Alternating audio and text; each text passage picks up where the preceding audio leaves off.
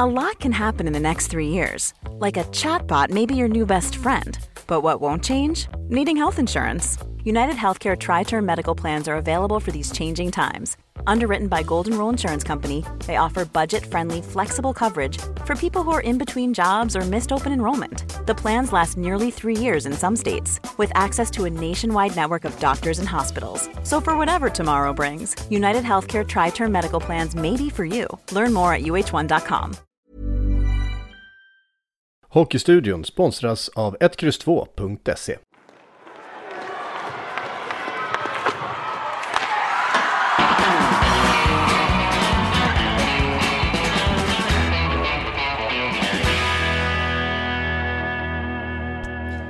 Kära lyssnare, er kompass i hockeydjungeln är tillbaka. De tre vise männen i Hockeystudion ska guida er igenom det hetaste som har hänt den senaste veckan i hockeyvärlden. Det var mycket hockey där. Mattias Kåland Karlsson, hur är läget? Jo, men det är bra som vanligt. Alltid skönt att göra det här söndag kväll innan man ska knyta sig för sängen. Eh, men eh, precis kollat färdigt på Djurgården-Oskarshamn som var en ganska rolig match att titta på. Så ja, men det är jättebra här. Gjorde du den där välkomsthälsningen från ingenstans eller, eller hade, du, hade du skrivit upp ett manus innan? Nej, jag kom på det här nu. Ja, och jag menar den som, den som jag inte hann presentera är Thomas Ros. Vad är det roligaste du har gjort i helgen? Uh, ja, det var inte en hockeymatch som jag var på i lördags. Jag åkte till Hovet för att kolla på Djurgården-Leksand. Uh, vanligtvis hade det varit ett utsålt Hovet och, och, och, uh, och sådär. Uh, men det var en extremt tråkig hockeymatch. Så att det roligaste, jag gör inte så mycket roligt längre om jag ska vara ärlig. Man, man försöker hålla sig inne, man, man eh, läser på lite rapporter om OS, man, man oroar sig lite för eh, Beijing, man dubbelkollar när man har sina tester, man fyller i appen, eh, träffar väldigt lite folk, eh, sitter i någon typ av halvkarantän. Sådär. Eh, så att, eh, man gör nog inte så mycket roligt. Det blir nog inte så mycket roligt kommande månaden. Spela paddel kommer du ha tid att göra. Ja, men någon paddel ska jag spela, det, det, det kan jag lova.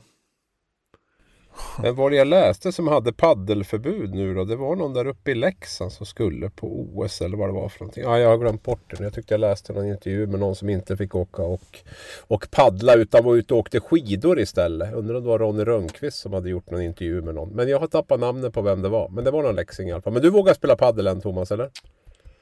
Ja, alltså jag mår ganska dåligt om inte jag får röra mig eller tänka på något annat förutom mitt jobb min familj, eh, mina granar eller sådär. Alltså då, då får jag nästan, eh, jag, jag mår jättedåligt om inte jag får ha, ha någon ventil där jag får ut energin. Nej. Kolan var inne på det här. Det är ju inte så ofta vi har en rykande färsk SHL-match att bena ur precis när vi spelar in det här. För egentligen är ganska exakt när vi startade, tryckte på knappen så hade Djurgården tagit sin andra raka seger här. Det blev seger mot Leksand igår efter straffar. Eh, och seger vid full tid mot mäktiga, får vi väl säga numera, Oskarshamn som är en otroligt svår motståndare. Vi ska inte prata för mycket Djurgården, eh, men vi måste ändå komma in på det. Vad säger du Kolan, har de en chans att undvika kval trots allt? Nej, jag, jag, tror ändå inte det. Det är för långt upp. Men eh, de spelade ganska bra idag. Eh, de lyckades ändå hålla Oskarshamn på ganska bra avstånd och inte se till så att de fick jättemycket farliga målchanser. Men jag måste bara få säga det, herregud vad bra de är, Oskarshamns första kedja. De är sjukligt bra.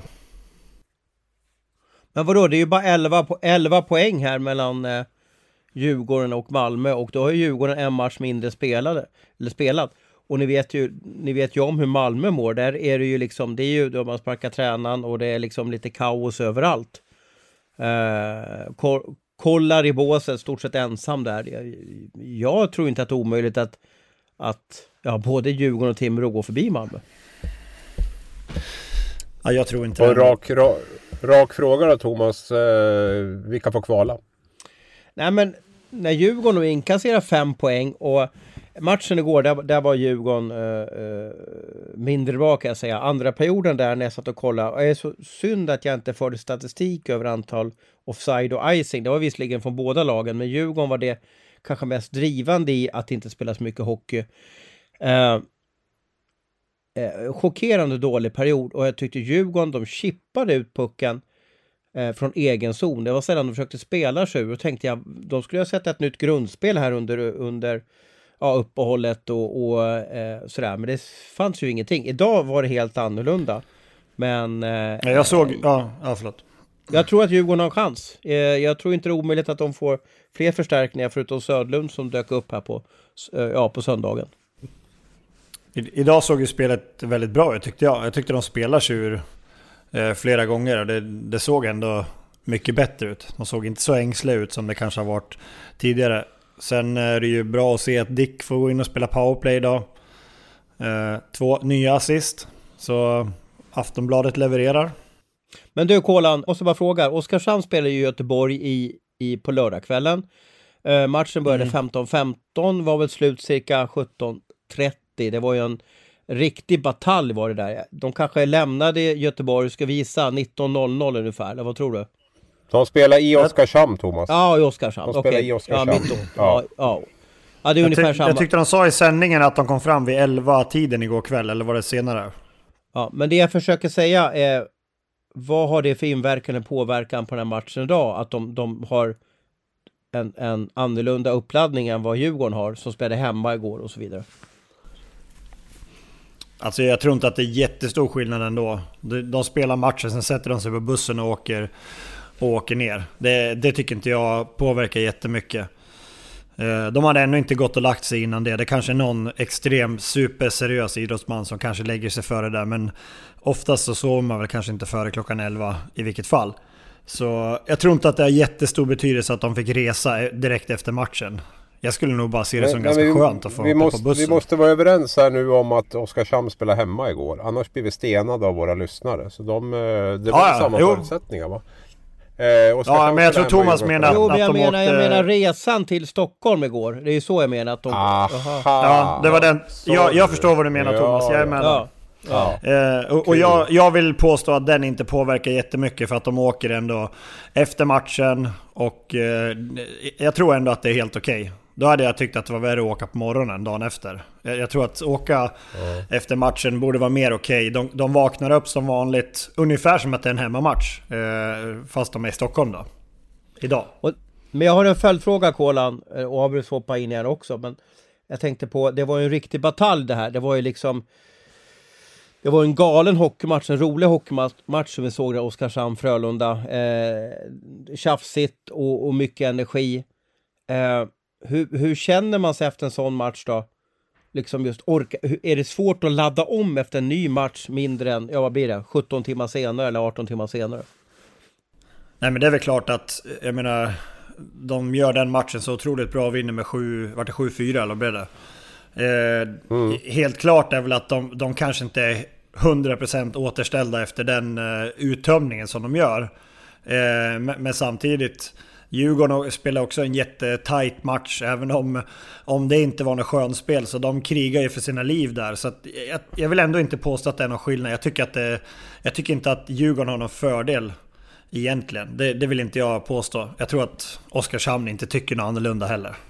Nej. Nej. Då stänger Nej, vi den Oskarshamns frågan. Tuff, Ja, Oskarshamns tuffaste resa var väl kanske till Karlstad i måndag, tisdag, onsdag där typ. När de eh, åkte upp på måndagen till Karlstad och eh, en timme innan nedsläpp fick eh, matchen inställd. Fick sätta sig i bussen hem.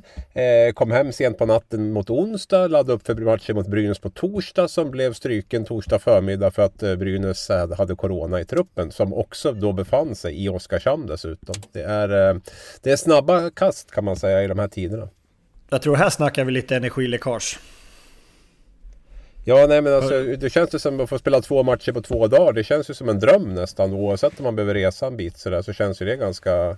Jag tror att de är jättesugna att spela matcher nu för att det är så mycket inställt och, och, och allt vad det vad det är. Men jag, jag måste bara ta upp Patrik Karlqvist. Jag tycker det är så mm. fascinerande med honom. Alltså vilken lirare. Vi kommer, ja, han kommer inte vara med i OS-truppen så vi kommer komma in på senare här. Men, men 21 eh, målet idag. Ytterligare ett assist dessutom på målet. Vad är han uppe i nu? 36 poäng tror jag på 33 ja. matcher eller något sånt här.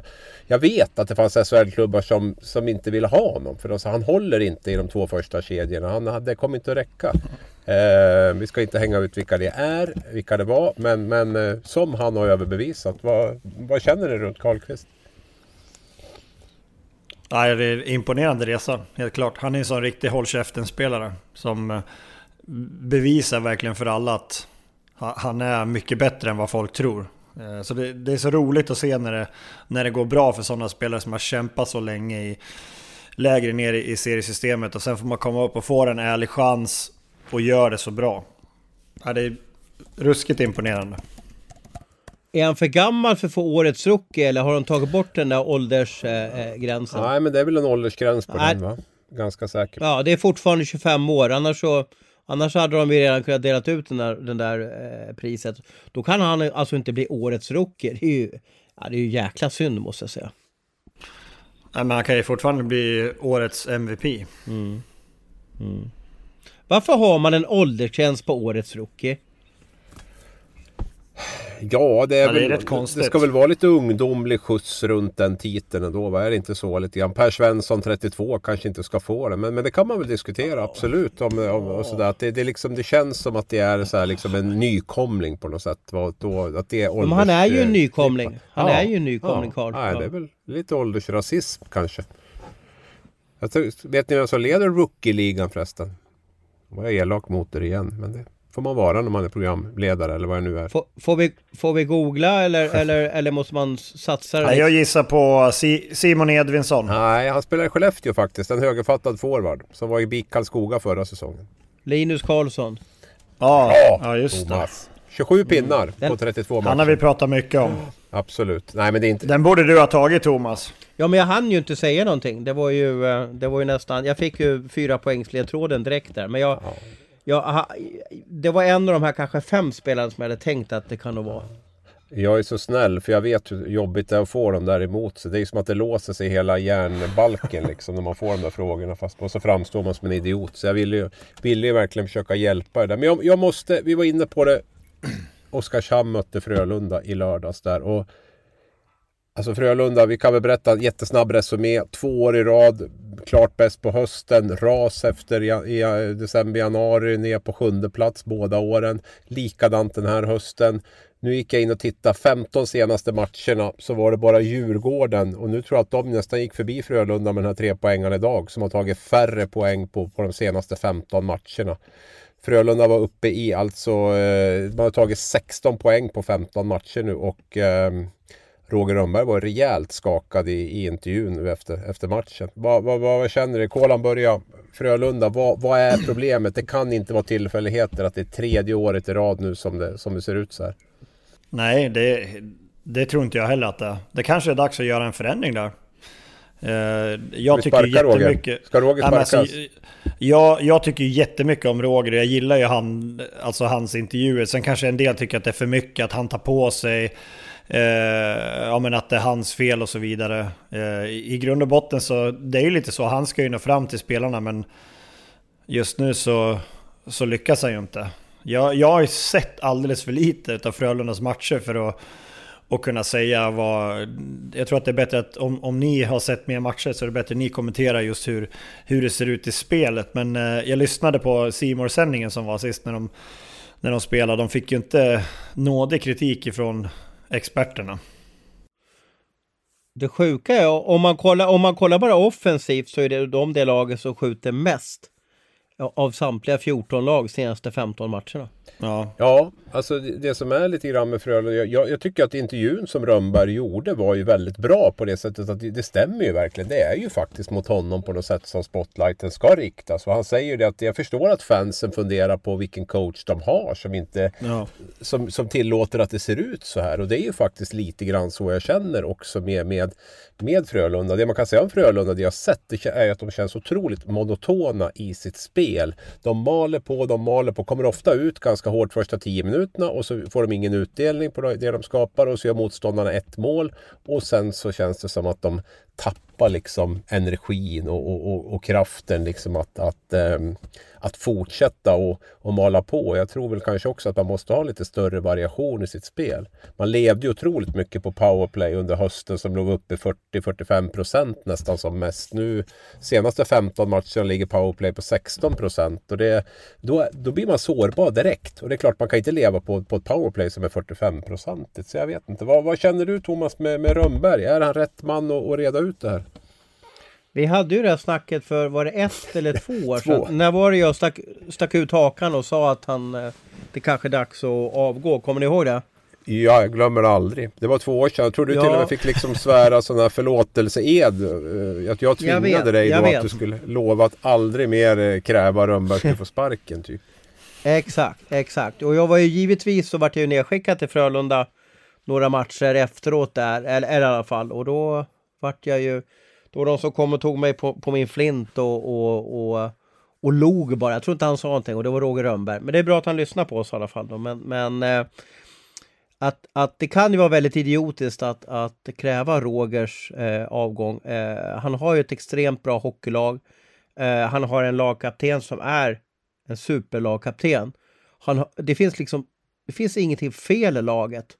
Uh, jag vet inte om, om Tomkins har börjat fundera på KHL-pengar redan och, och, inte vill skada sig.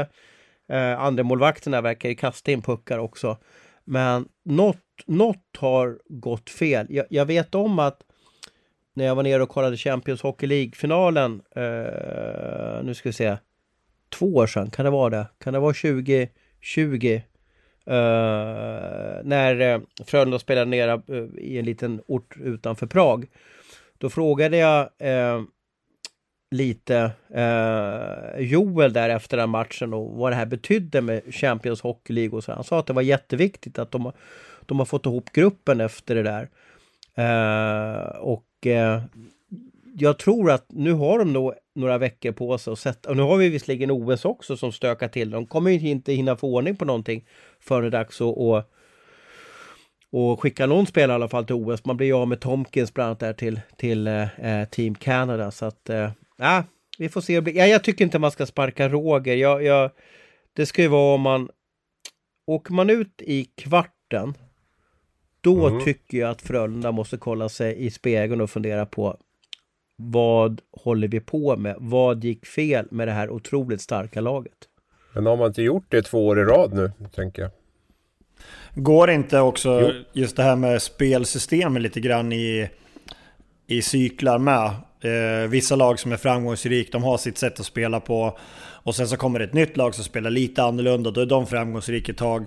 Känns som att Frölunda har ju haft samma spel ganska länge nu och att det kanske är så att de blir lite sönderlästa. Och det är väl också så att det är SHL, alla lagen är så otroligt bra tränade.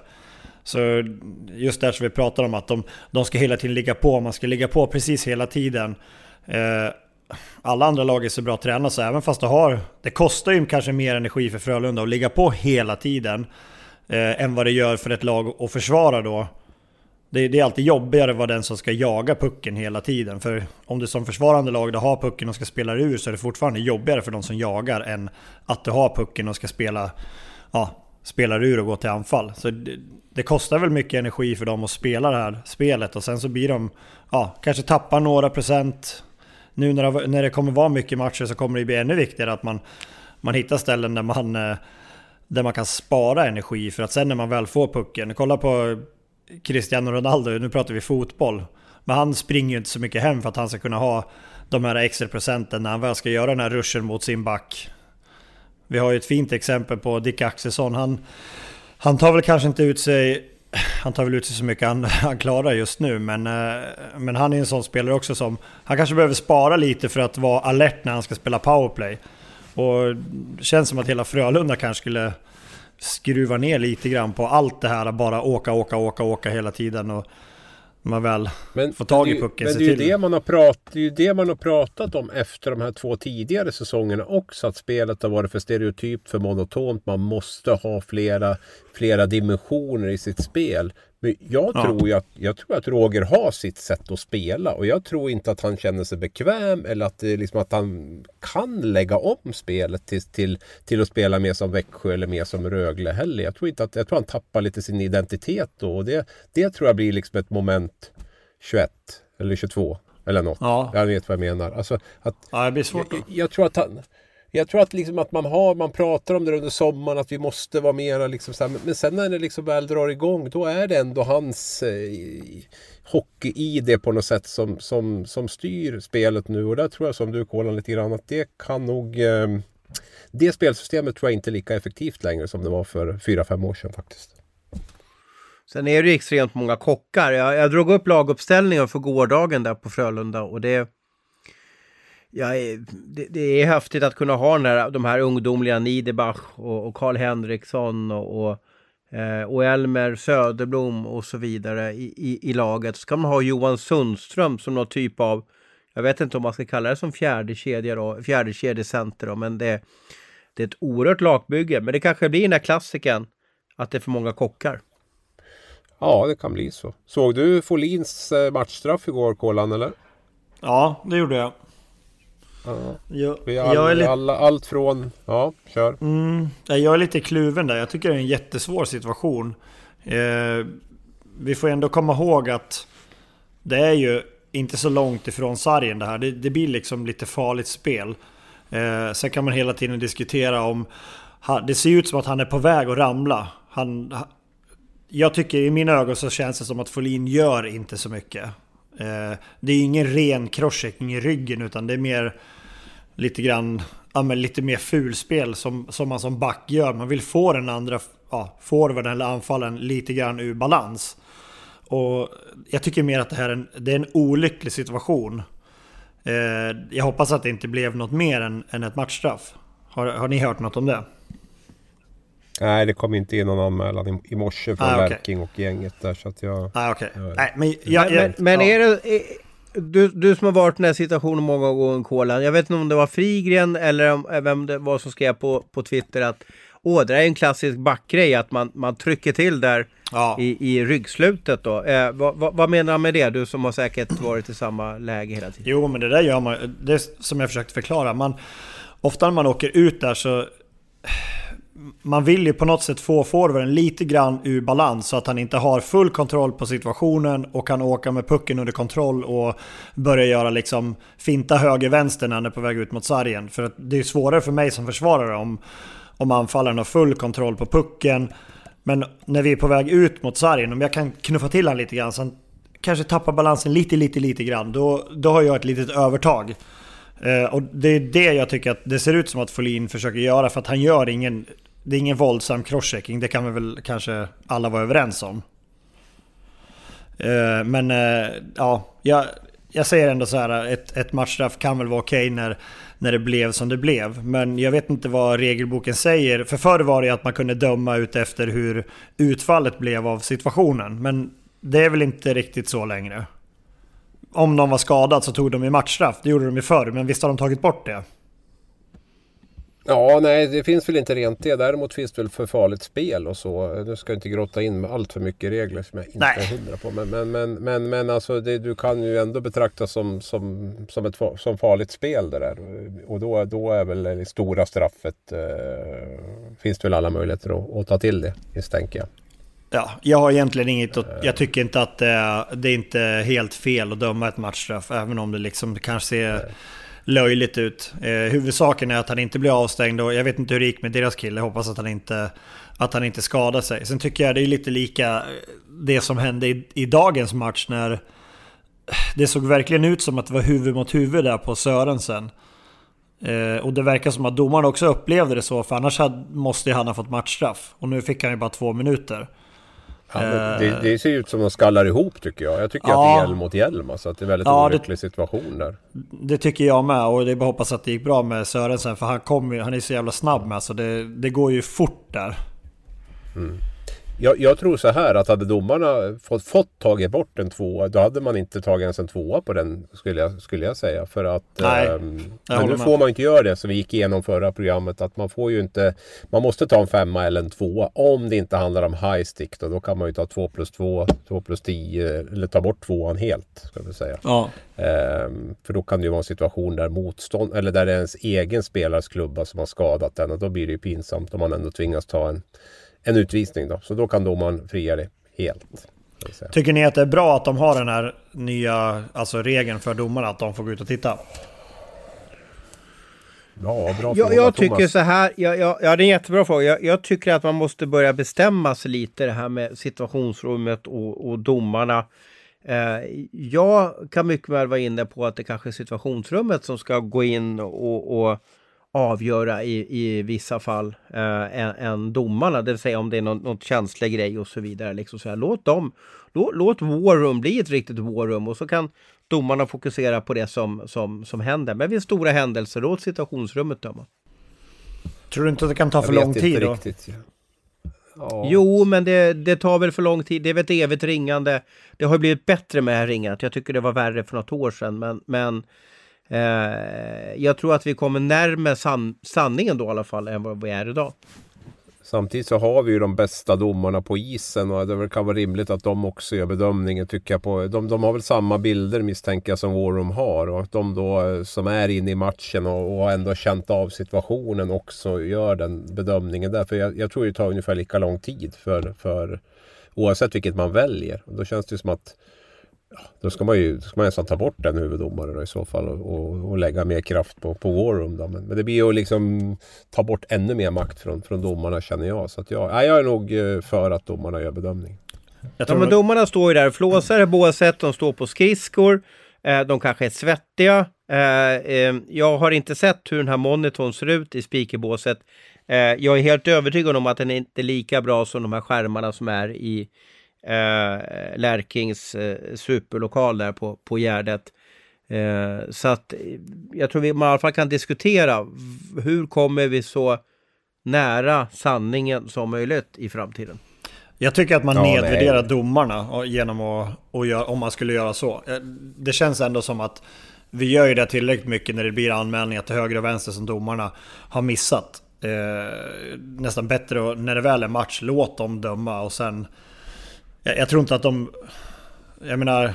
Förr så då skulle de ta det där beslutet på en millisekund. Nu har de ändå chansen att gå ut och titta på det. Så det känns ju ändå okej. Okay. Jag tror ändå att de gör en, en eh, bra och samlad bedömning. Så kan det bli fel någon gång ändå. Men, men ja, jag tycker nog att vi ska låta dem döma. Inte att någon annan kommer in och bestämmer uppifrån mitt under matchen.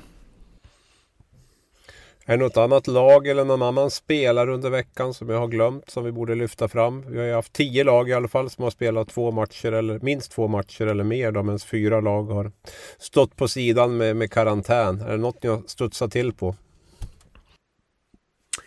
Uh, jag tycker Omark var väldigt skicklig mot, mot uh, Linköping. Jag tycker synd att vi inte får se Omark i OS. Vi ska väl prata om det uh, lite senare. Jag tycker Jakob Johansson gör en fantastisk match eh, hemma mot, eh, mot Växjö. Eh, Växjö är också sådana här lag man funderar på vad, de, vad, vad som händer. Han går in och håller nollan. Eh, visserligen var det Timrå som kanske före spelet men ändå starkt att hålla nollan eh, som, som nykomling. Eh, det är väl två spaningar som jag har eh, den här veckan.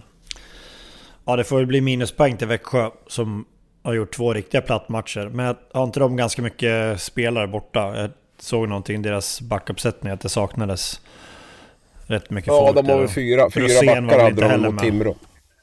Nej, nej, men de har fyra raka förluster Växjö. Det är klart att alla mm. lag hamnar ju i tuffa skadesituationer. Det gäller, ju, det gäller ju att reda ut dem på något sätt bättre tycker jag kanske än det, det, det Växjö riktigt har klarat av om man ska vara med ja. om ett topplag i alla fall. Nu tror jag man ligger väl typ åtta eller någonting i tabellen och man kan ha väl sju, sju poäng eller någonting ner till, till um, Örebro då som ligger under strecket till och med och har två matcher mindre än, än Växjö spelat. Exakt. Så det är ju liksom, Exakt. det är ju inte något...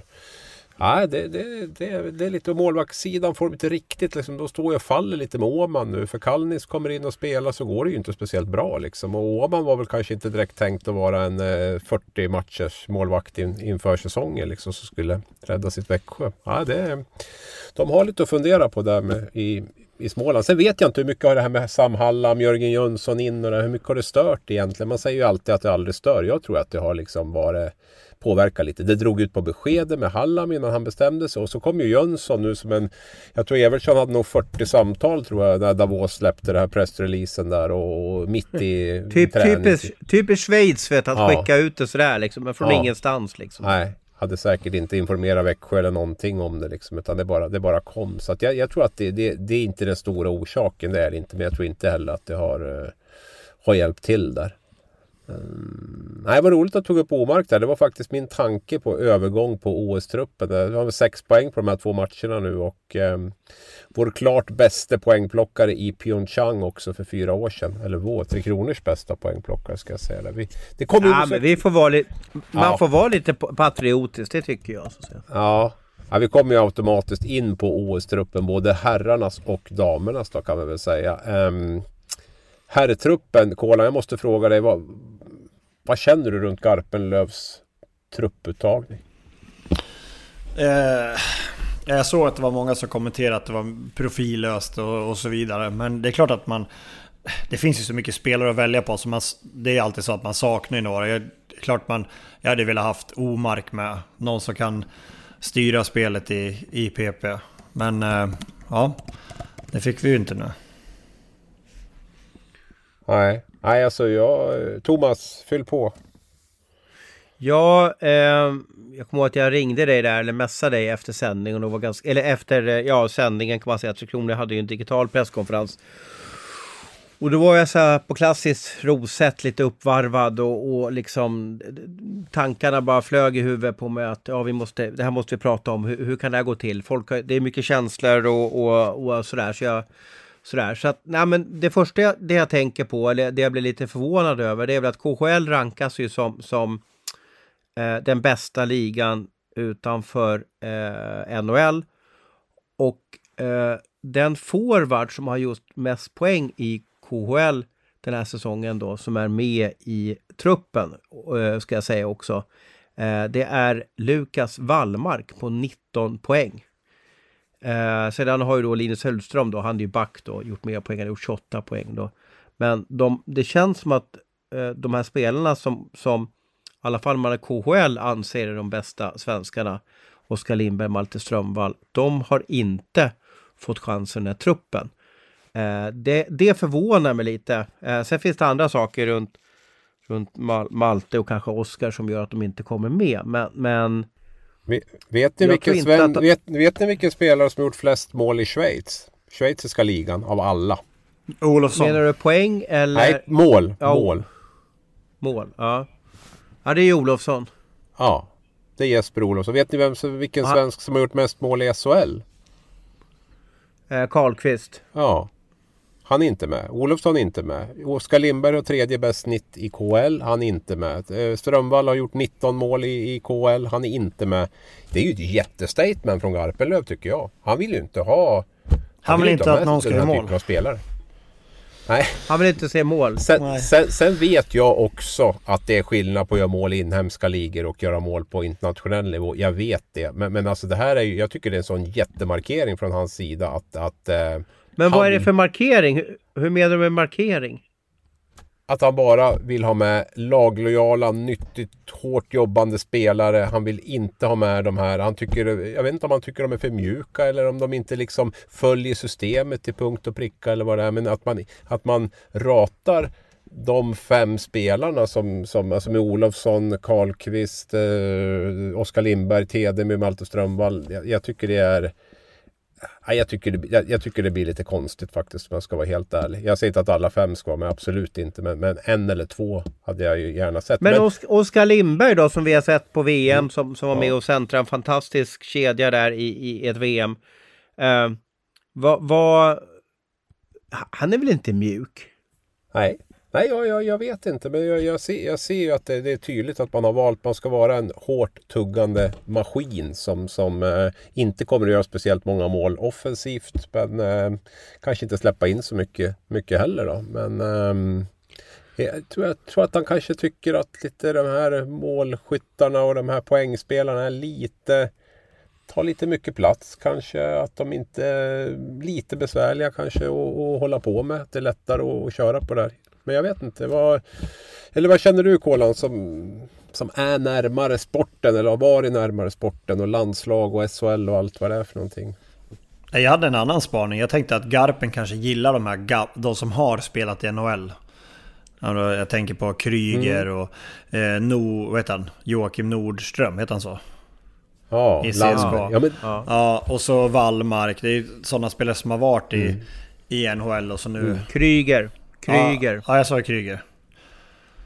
Mm. Okej. Okay, ja. ja nej, men... Det är en jättebra spaning och jag, jag vet att det är så också. Att de har pratat mycket om det. Det handlar inte bara om det spelmässiga. Utan jag tycker man tar man sig till NHL och spelar matcher där. Då har man ett pannben så att säga. Då, då har man liksom är hård mentalt också. Som, som mm. de gillar. Både Grönborg och, och Garpenlöv. Men nu avbröt jag det igen. Fortsätt. Nej, men jag, för det har jag ju alltid tyckt när det har varit VM att man är lite för NHL-kåt. Att man tar spelare som kanske inte egentligen kan tillföra något mer än, än vissa spetsspelare i, i SHL. Men man tar dem bara för att det är NHL. Så har jag i alla fall tyckt mm. när, det, äh, ja, när Garpen har haft, äh, haft sitt där. Och även Grönborg också. Gör man, gör man rätt då? Gör man rätt då tycker du? Nej, det tycker jag inte. Det, det finns inget som säger att en NHL-spelare är bättre än en SHL-spelare. Jag skulle nog eh, snarare säga tvärtom att de bästa spelarna i SHL är bättre än vissa NHL-spelare. Jo, jag sms-terrade eller sms-intervjuade Garpenlöv om truppen, om det var samma dag som truppen togs ut eller dagen efter. Eh, och då vet jag att jag, jag, jag skrev något sånt där att ja, vi kommer nog vinna med 2-1 eh, hellre än 5-2 eller 6-3 i matcherna. Men det är väl bra för oss journalister, typ för att då blir, eh, då blir det snabbare att skriva sammanfattningen då, eh, statistiken från matcherna. Eh, och då menar väl Garpen på. Vi får se, jag tror att du kan vara fel. Men är det inte så här klassiskt också att offensiv vinner publik, defensiv och hårt jobb vinner, vinner pokaler?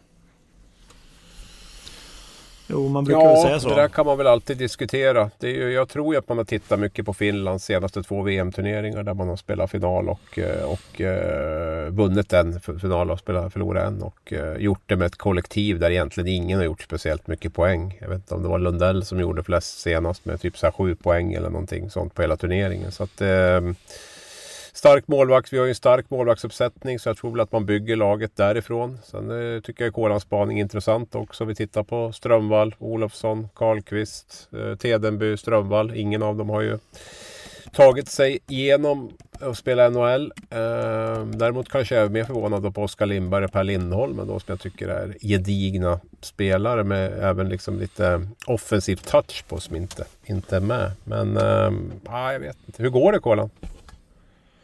För laget? Tre kronor.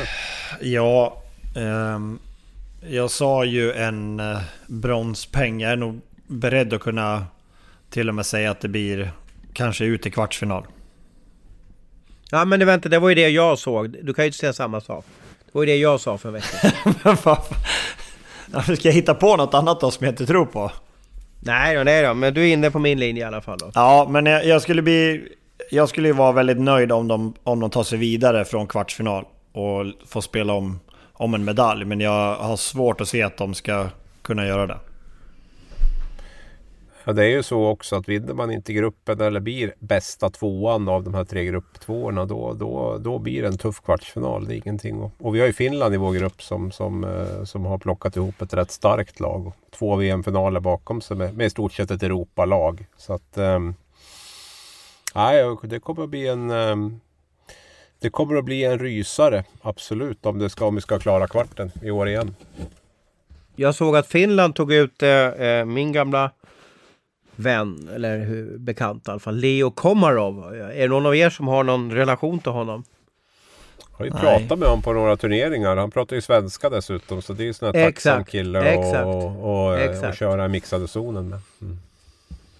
Väldigt sympatisk. Han, bod, Exakt, han bodde ju tillsammans med Harry och eh, Omark i eh, samma lägenhet när eh, eh, de spelade i, jag tror det var Dynamo Moskva där för ja, massa år sedan. Så att då var, gjorde en sån här house tour hemma hos, hos, hos dem och då, då fastnade för den här Leo. Och efter det har han haft en sagolik karriär. Vi har haft lite kontakt på, på sociala medier så jag, jag vet att han han eh, slutade ju landslaget flera år sedan men ett OS är ett OS så att nu har han ju fått eh, chansen igen då. Eller, eller, vill, eller viljan att vara med igen. Har du mött honom Kolan? Jag vet faktiskt inte. Det, det borde jag nästan ha gjort. Men eh, jag kan inte säga på rak arm. Det är inget som jag minns. Men det känns som att våra karriärer borde ha, ha stött ihop någon gång. Och han är rubrikmakare också, Abris. Han kör ju över svenskar och, och gillar att och, och, och, eh, ha för sig lite rackartyg i, i mixade zonen. Om det nu blir en mixad zon i, i Beijing. Ja, jo, nej, det, det är en profil på många sätt. Eh, får se lite grann hur det blir med den där biten. Men eh, det har ju tagits ut en, eh, Damkronen har ju tagit ut sin trupp också. Vi uh, slår väl ur rejält underläge kan vi väl säga, säger vi igen. Um, Man får säga i... det tycker jag. Jag tycker det är, ja, vi, jag tycker vi, det är helt okej. Okay. Ja, Uh, ja, spelar i B-gruppen då kan vi säga. Fem lag i, i den uh, A-gruppen och fem i B-gruppen. Men där man fortfarande då har chans att få spela slutspel då. Även lagen i, i B-gruppen där. Um, först, vad har vi för förvänt förväntningar Thomas? Vad ska vi ha? Uh, ju, det är ju så att vi, både du och jag brukar ju eh, bevaka damkronorna. Det är, det är så här att när man kommer till ett OS så, så pang bom och så kör damkronorna igång och sen är deras turnering över och sen så, ja, så blir det allvar i, i herrarnas turnering. Men vi ska väl inte ha några förväntningar alls. Alltså det är, det är ju eh, nu är det ju så väldigt speciellt eh, typ, alltså både eh, VM och OS är ju samma sak för att man nivåindelar lagen på så här klassiskt U14-sätt. Det vill säga de bästa spelar en grupp och de lite sämre spelar en annan grupp. Och Sverige som du säger är med i sämre gruppen där. Så att, nej, jag vet inte. Jag har så svårt att se att det ska bli ett lyckosamt eh, damkrone-OS. Eh, det finns ju andra anledningar till det också som, säkert, som vi säkert kommer komma in här på. Vi har ju haft lite covid som har ställt till det lite med eh, OS-uttagningen där. Men nej, jag, jag, tror att det kan bli jag tror det kan bli riktigt flopp-OS för damkronor. Vi behöver ju två lag för att bakom oss då för att nå kvartsfinal. Klarar vi det Kolan? Nej, jag tror inte det, tyvärr. Jag tänker liksom att Kina och Danmark borde vi väl kunna ha bakom oss, eller? Eller är jag optimist och kanske Japan också? Det är kanske, ja. My, mycket hänger väl på målvaktsspelet och där fick vi, vart det ju ett riktigt bakslag på en gång. Jag satte ju kaffet i halsen där på, på lördag morgon var det väl när vi satt och åt frukost och, och, och det här beskedet kom i våran intern kanal. Uh, Sara Gran då, testar positivt med covid. Är det någon som man verkligen liksom känner är en nyckelspelare i det här svenska laget så är det ju Sara Gran. Och är det någon spelare som man verkligen gillar mer än alla andra så är det väl Sara Gran. Som hon, alltså hennes tävlingsskalle var ju alltså fascinerad av den. Hon skulle göra sitt fjärde OS då. Eh, om vi börjar där då. Om inte Sara Gran kan spela, vad, vad betyder det Thomas? Eller får spela? Ja, nu var det väl lite oklart hur det, hur det blir där. Eh, ja. Det innebär att Emma Söderberg och, och, eh, och Ida Boman ska, ska bli, liksom, bli de som är bäst. Men det är klart att Sara, nu, nu jag följer ju inte Damkronorna varje dag och inte heller STHR sådär jättebra, tyvärr. Jag, jag får med mig själv bakläxa där, men det är väl klart att det, det är en klar försvagning. Eh, och jag menar, är vi klara? Hur, hur kommer damkronetruppen se ut när laget väl åker till, till Beijing? Eh, vi vet ju inte, det är en rejäl smittspridning nu i, i Sverige och i, i stora delar av världen. Det, det kan ju bli flera eh, det är flera avhopp på grund av covid och den svenska truppen är ju relativt liksom tunn. Det finns ju andra lag som, som har en ganska bred grupp att ta spelare från men, men eh, vi har ju inte så många duktiga damhockeyspelare i Sverige. Men är eh, inte fördelen för tjejerna nu i alla fall... Ja, fördelen för tjejerna är väl att de spelar väl inga mer matcher nu fram till OS tror jag. Jag tror att de har, har breakat så att De borde ju ändå kunna, ja, med lite tur kanske inte bli jättemånga fler som blir sjuk. Det känns ändå som att Nej. löper större risk Vi om får man, hoppas om man att de inte kör Vi får hoppas att de inte kör en JVM-bubbla då på deras träningsläger. Ja, det blir ju Det inget bra. ju en diskussion, precis. Det blev ju en diskussion runt Sara Gran här också nu då med, med, med ja, Svenska Hockeyförbundet stängde ju dörren direkt och hon testades i onsdags då. Eh, det är ju nästan två veckor i alla fall innan turneringen börjar så testades hon positivt och det finns väl väldigt mycket som talar för att hon är negativ eh, dagarna innan avresan där. Jag tror det är den 27 januari de ska åka. Eh, men man ville ju inte vänta där då på förbundet utan man kallade ju in Agnes Åker vill jag minnas, som ersättare för Gran. Och, ehm, det där skapade ju lite debatt runt det där. Att man, att, man, alltså att man inte kunde vara lite mer flexibel. Att man kunde ha flugit över Gran några dagar senare och, och, och på den vägen. Och vad, vad känner vi där? Hade det varit likadant om Lasse Johansson hade testat positivt tror du Thomas? Svensk Tre Kronors Ja men vad Ja men vad händer nu? Vad, vad händer nu om Lasse testar positivt? Vi säger det då, att, att han eh, har hosta ikväll eh, och så eh, det, det är ju nämligen så att de ska hålla sig i någon typ av light-karantän nu. Eh, de som ska åka till eh, Peking. Det vill säga att man är hemma och att man är ute så lite som möjligt.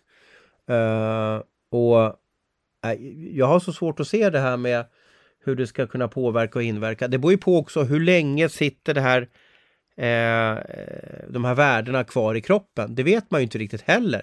Det kan ju vara så att du har testat positivt för två veckor sedan men, men fortfarande då får utslag på olika tester.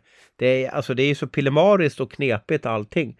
Men eh, jag tror inte riktigt att, jag tror att Olof Östblom när han svarade på frågorna dag ett om Sara så tror jag inte han hade koll på allting. Dag två när han fick samma fråga igen så var, vred han ju till det lite och ändå gav lite öppningar. Eh, men det ska bli intressant att se när vi flyger där. Du och jag flyger nästa måndag, eh, Abris. Vi får se hur många i journalistlaget som kommer in och vi får se hur många hockeyspelare som till slut kommer in till Kina. Ja absolut, men alltså jag, de har ju ändå gett henne beskedet. De måste ju ha liksom satt upp en grej att testar man positivt före det här datumet då får man inte åka med. Så måste det ju vara. För förbundet måste ju ha gett Sara det beskedet att sorry du är inte aktuell längre. Vi, vi kommer inte att liksom försöka hitta något specialflyg över för dig om du skulle testa positivt senare. Vi vågar inte chansa på att du blir, blir, blir, eh, blir negativ till du ska åka. Det måste ju ändå ha varit det så. Var ju totalt, det var ju totalt fyra spelare var det som har fått liksom, ja, inte få åka då. Ja. Ur det är klart. damtruppen eller? Ja. Ja, Men det slår ju kanske mycket hårdare mot dem också. Det är inte samma bredd på damerna som det är. Jag menar om, om fyra herrar försvinner så är det ganska lätt att ersätta med likvärdigt. Men det kanske är lite svårare på damsidan. Ja, mycket svårare skulle jag ju säga där. Det är ju, men det vi ska ju säga det också till, alltså det går ju inga reguljärflyg till Kina alls. Det går inte att boka en flygbiljett till Kina under de här tiderna. Utan det är ju specialflyg allting då man blir tilldelat ett visst antal platser och sådär. Men, men eh, ah, det känns lite som att man kanske kunde ha försökt att haft lite alternativ till att eh, någon plats, eh, reservplats på något plan som man kunde skicka med någon, någon som kanske varit eh, negativ lite senare. Då. Men, men det är ju bara, det är lätt för mig att sitta och tycka kanske. Vad, eh, vad ska vi kasta oss över? Hockeyettan.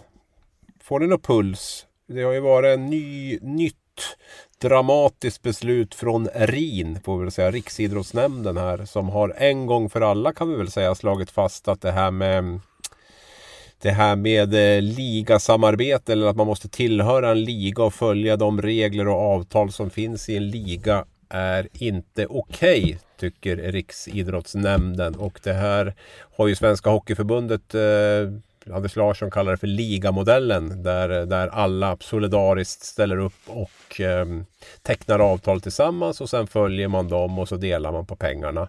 Eh, det här öppnar ju upp Ja, vad ska vi säga Thomas? Enorma, kan få enorma konsekvenser, inte bara för ishockeyn utan för egentligen de flesta lagidrotter i, i, i ja Sverige. handbollen, eh, bord, bord, bordtennis, eh, det vill säga att man måste Fotboll. liksom... Fotboll. Ja, men, men, men jag vill påstå att SHL och fotbollen som har så enorma avtal, det finns ju inget lag som då räcker upp handen och säger nej, jag vill inte vara med på de här avtalen för att jag kan få bättre avtal själv.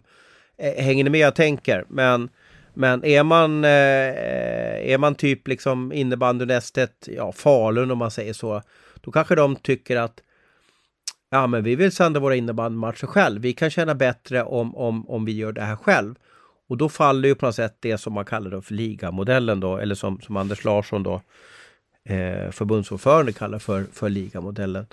Och det är ju två stycken olika bestämmelser som står mot varandra. Det är så konstigt är att vem ska bestämma?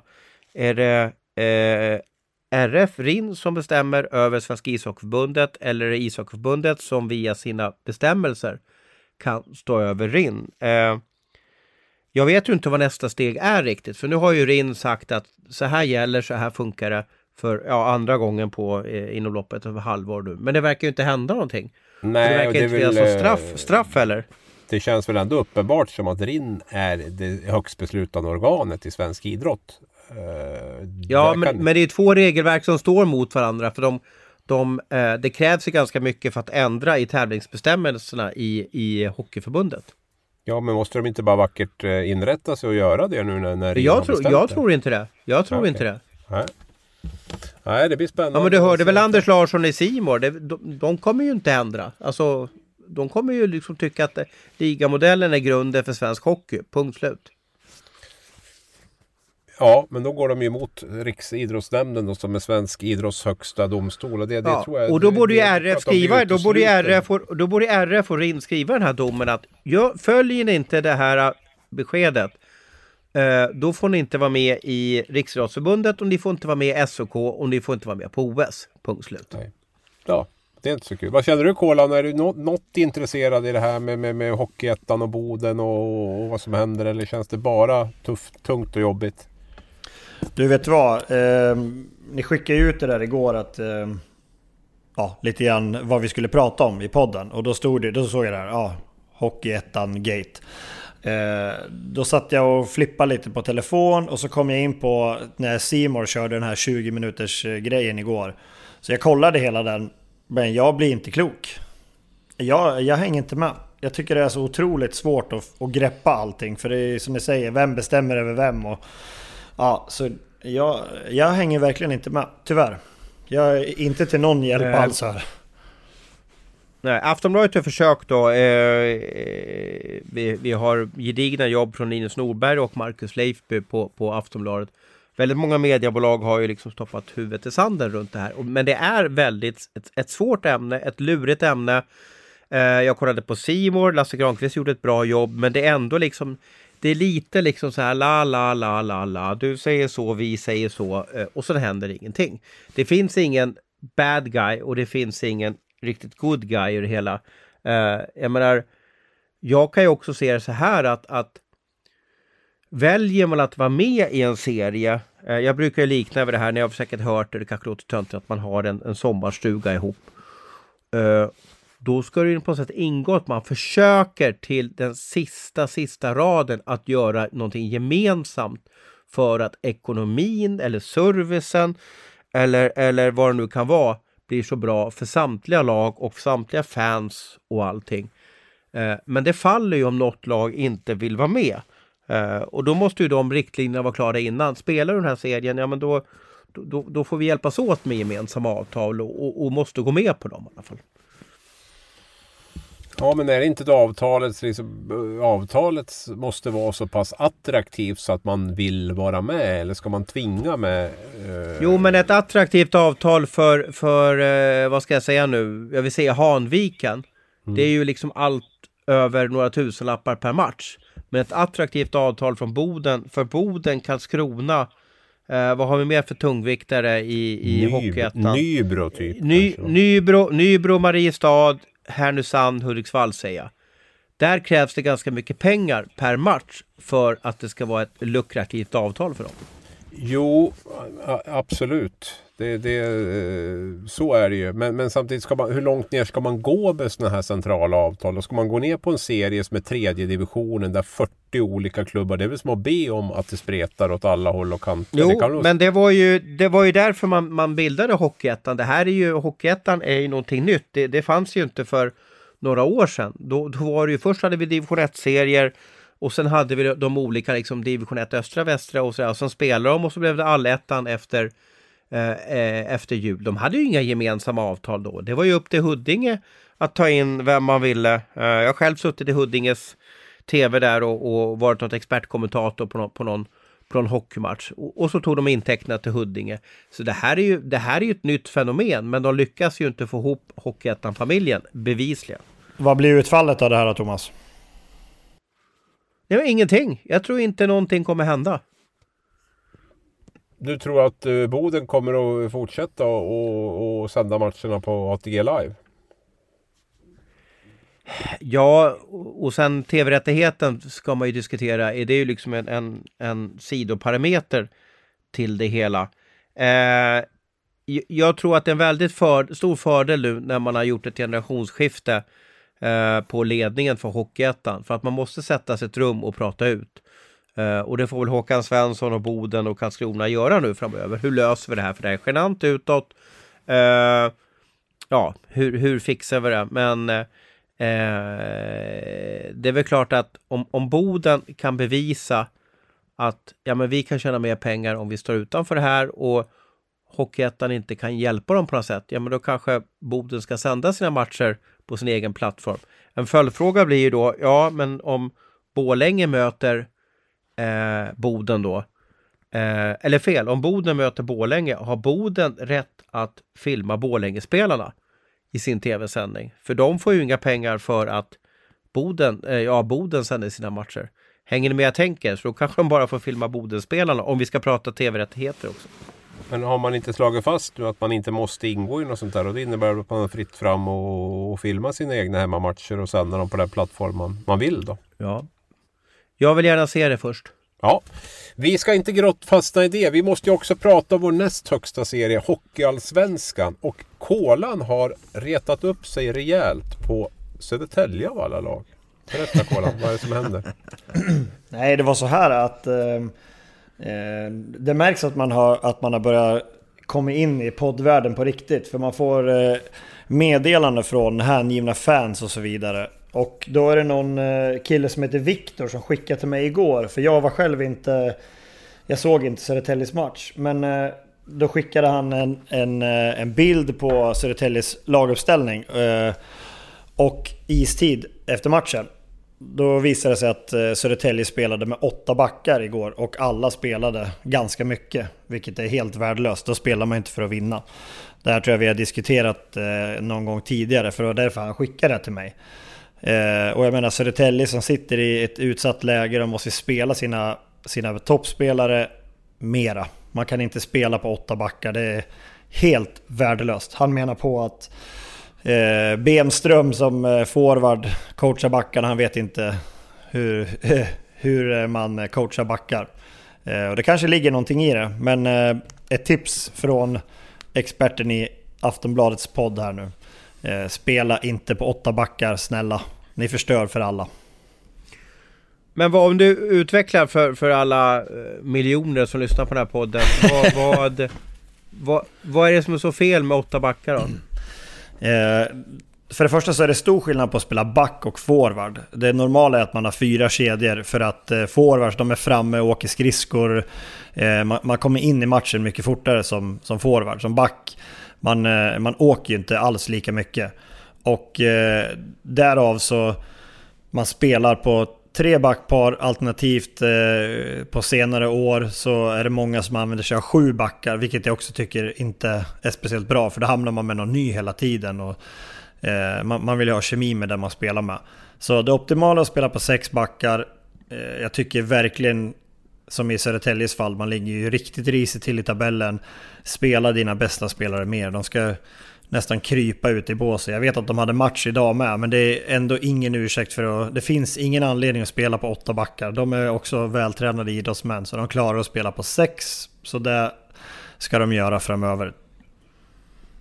Jag hann tyvärr inte se matchen idag mellan Modo och Södertälje. Det blev ju seger för Modo där då. Eh, 4-3. Men jag går in på istiderna. Jag har ju blivit lite manisk i det här nu då. Andreas Hjelm toppade med 22.41. Eh, åtton, man hade åtta backar med sig upp idag igen. Men eh, åttonde backen Erik Ullman spelade 1.38. Sjunde backen Ludvig Jansson 8.17. Sen låg Mm, de från mellan 13 och 23 minuter. Jag såg det idag, det var, det var bättre idag. För jag såg att det var tre backar som hade över 20 minuter. Så att eh, eh, han kanske insåg sitt misstag igår. Men eh, varför ens ha åtta backar ombytta? Varför ska Ullman in och spela två byten? Han som dessutom leder den interna poängligan bland backarna. Ska han vara åttonde back, undrar jag. Ja, vi får nog ta och, eh, och ställa, ställa Bemström mot väggen där. Kolan versus Bemström får det bli där. Får de diskutera den frågan skulle du vilja bli coach? Skulle du vilja bli seniorcoach, eh, Kolan? Eh, jag vet faktiskt inte. Inte just nu. Jag, det känns som att jag är mitt uppe i någonting med, med min äldsta son. eh, Han fyller 15 nu och jag vill gärna vara med på de här. Ja, och Louis då, han, är, han fyller 13 snart. Så mm, jag vill vara med på deras resa innan jag hoppar, själv hoppar på någonting som gör att jag typ aldrig skulle vara hemma. Eh, Så just nu känner jag Aha. att jag vill, jag vill vara med barnen tills jag ser att de flyger iväg själva. Och sen efter det så skulle jag absolut kunna tänka mig vara öppen för eh, ett, ett tränarjobb. Eh, Det tror jag. Men, men inte just nu. Jag är ganska tillfreds med min tillvaro som eh, poddare och lite arbete hos Leksand. Men du vann inte äldsta grabben och så här snyggaste måltävling? Jag var mellanpojken. Var det mellanpojken alltså? Vad, vad, vad var det han vann? Eller, eller vad var det för pris? Ja, det vet jag inte än. Så vi får väl se vad hockeyamp Anton Mella eh, kommer tillbaka med. Vi har inte hört någonting än, så vi får väl se vad... Vad Nej, kan jag, ty- jag tyckte det stod någonstans att det var lite udda pris där, men då kanske jag missförstod det. Jaha, nej, det- han, han hade bara sagt att, att man vinner ett fint pris, men vi har inte hört och sett någonting än. Så vi får se vad det blir. Om Det det, var- om det blir Det var, något. inte- så det var inte så här... Det var inte Louis vikt i senap eller någonting sånt där? Nej, nej, jag vet inte alls vad, vad det kan bli. Vi får se.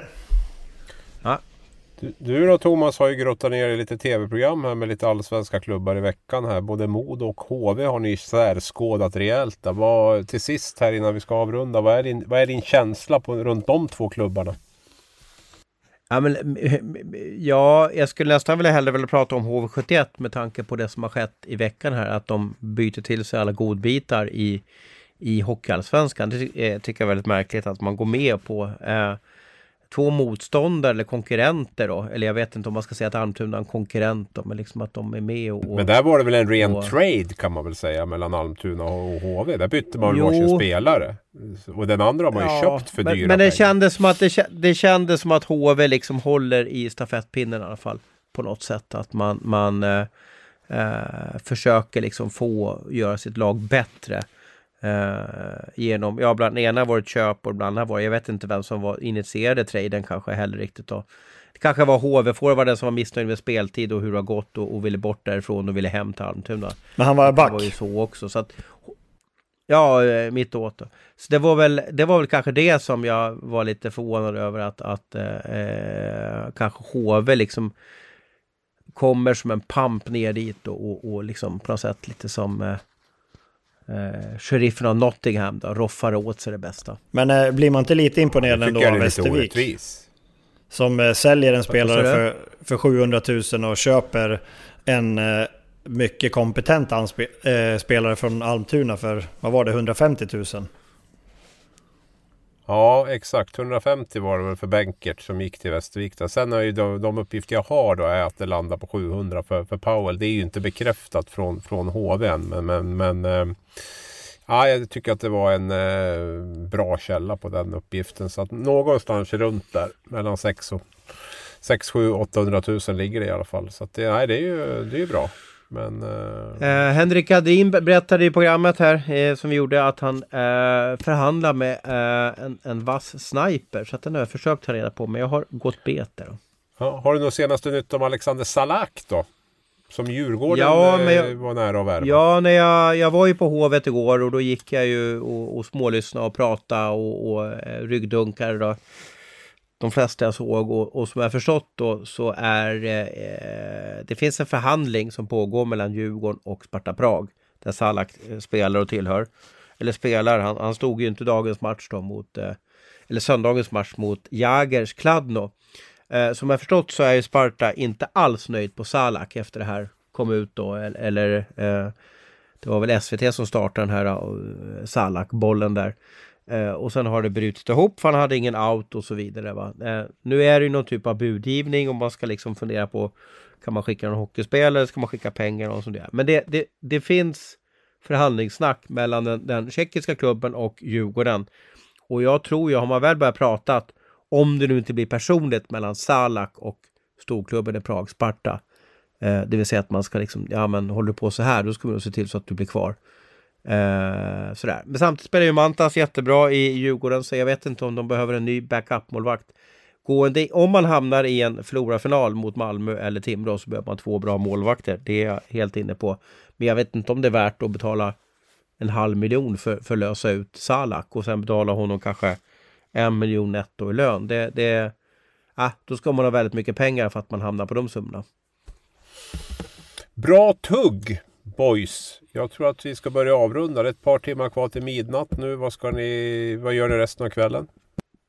Jag känner mig ganska färdig för, för, för dagen faktiskt. Eh, det är, en, eh, det är en lång måndag, vi har hockeymöte. Jag ska gå till eh, läkaren och göra en sista hälsokoll. innan avresan till Kina. Sen ska jag fylla i min app varje dag. Och sen så ska jag försöka undvika att träffa så lite folk som möjligt. Du då Abres? Ja, jag vet inte. Umgås med familjen lite kanske. hinner jag nog göra innan det är dags att, att krypa ner. Dagens höjdpunkt brukar jag säga här hemma och så blir jag hånad av, av resten av familjen. Dagens höjdpunkt är att gå och lägga sig. Ja, ja vi, vi är gubbar. Vi är gubbar. Exakt. Kolan då? Ja, jag ska försöka få mina äldsta pojkar i, i säng här och sen eh, fixa i ordning lite. Jag har is 07.30 imorgon med hockeygym så att eh, måste ändå försöka komma i säng i alla fall före 12 hoppas jag på. Så man får sova lite grann. Eh, så att, en snabb eh, fråga. Eh, jag vet ju det är tonåringar där. Ja. Och du, du, har ju tre, har du tre pojkar? Ja, men jag har bara en tonåring än så länge. Hur mycket, ja, hur mycket limpmackor går åt varje vecka? Nej, du, vet du vad? Min fru hon har förbjudit oss att uh, handla hem limpmackor. Så det, det får bli okay. annat uh, nyttigare bröd. Men uh, varenda men gång... När, när de, okay, men när de kommer hem från skolan och så har med, alla har med sig två kompisar. Hur Aha. löser du den här liksom massätningen då? Ja fast vet du vad? Jag tror att tiderna har förändrats lite grann. I alla fall som i vårat fall. Vi har inte jättemycket folk som som kommer hem till oss. Utan nu är det mera liksom att ja, men grabbarna går i skolan, sen drar de direkt till ishallen. Det är nästan så att jag får komma med, med mellis åt dem till ishallen Aha. för att de har tidiga träningar och går ganska länge i skolan och sådär. Eh, men apropå det här med limpmackor, det är lite roligt för ja, min fru är ju lite sådär Nej, man, man får inte äta det och man får inte äta det. Eh, men sen eh, någon gång ibland när, när jag åker och handlar själv så kan man ju komma hem med sån där färdigskivad Skogaholmslimpa och grabbarna, grabbarna jublar ju för, för att man kommer hem med riktiga mackor. Jag vet ju hur det här var. Nu har jag ju liksom två eh, döttrar då. Eh, men du vet, ibland så kunde det vara fem personer som stod i köket. Alltså en hel limpa bara, den bara drog. Ja. Liksom. Det, det, det, roligaste var det godaste var ju ost, ost Degaholm och O'boy så att säga. Va? Liksom. Det, det var, alltså det, det sa bara slurp så var hela kylen tom. Det går mycket mjölk då när man ska dricka O'boy. Ja, ja. Vi blandar högt och lågt. Du vill avbryta avrunda? Ja, ja, jag var på väg till det. P.O. Larsson har sprungit sin timme för länge sedan. Men du, stort tack. Det var en värdig avslutning på en eh, väldigt trevlig timme. Dryg timme var det till och med. Sköt om er. Ha det bra.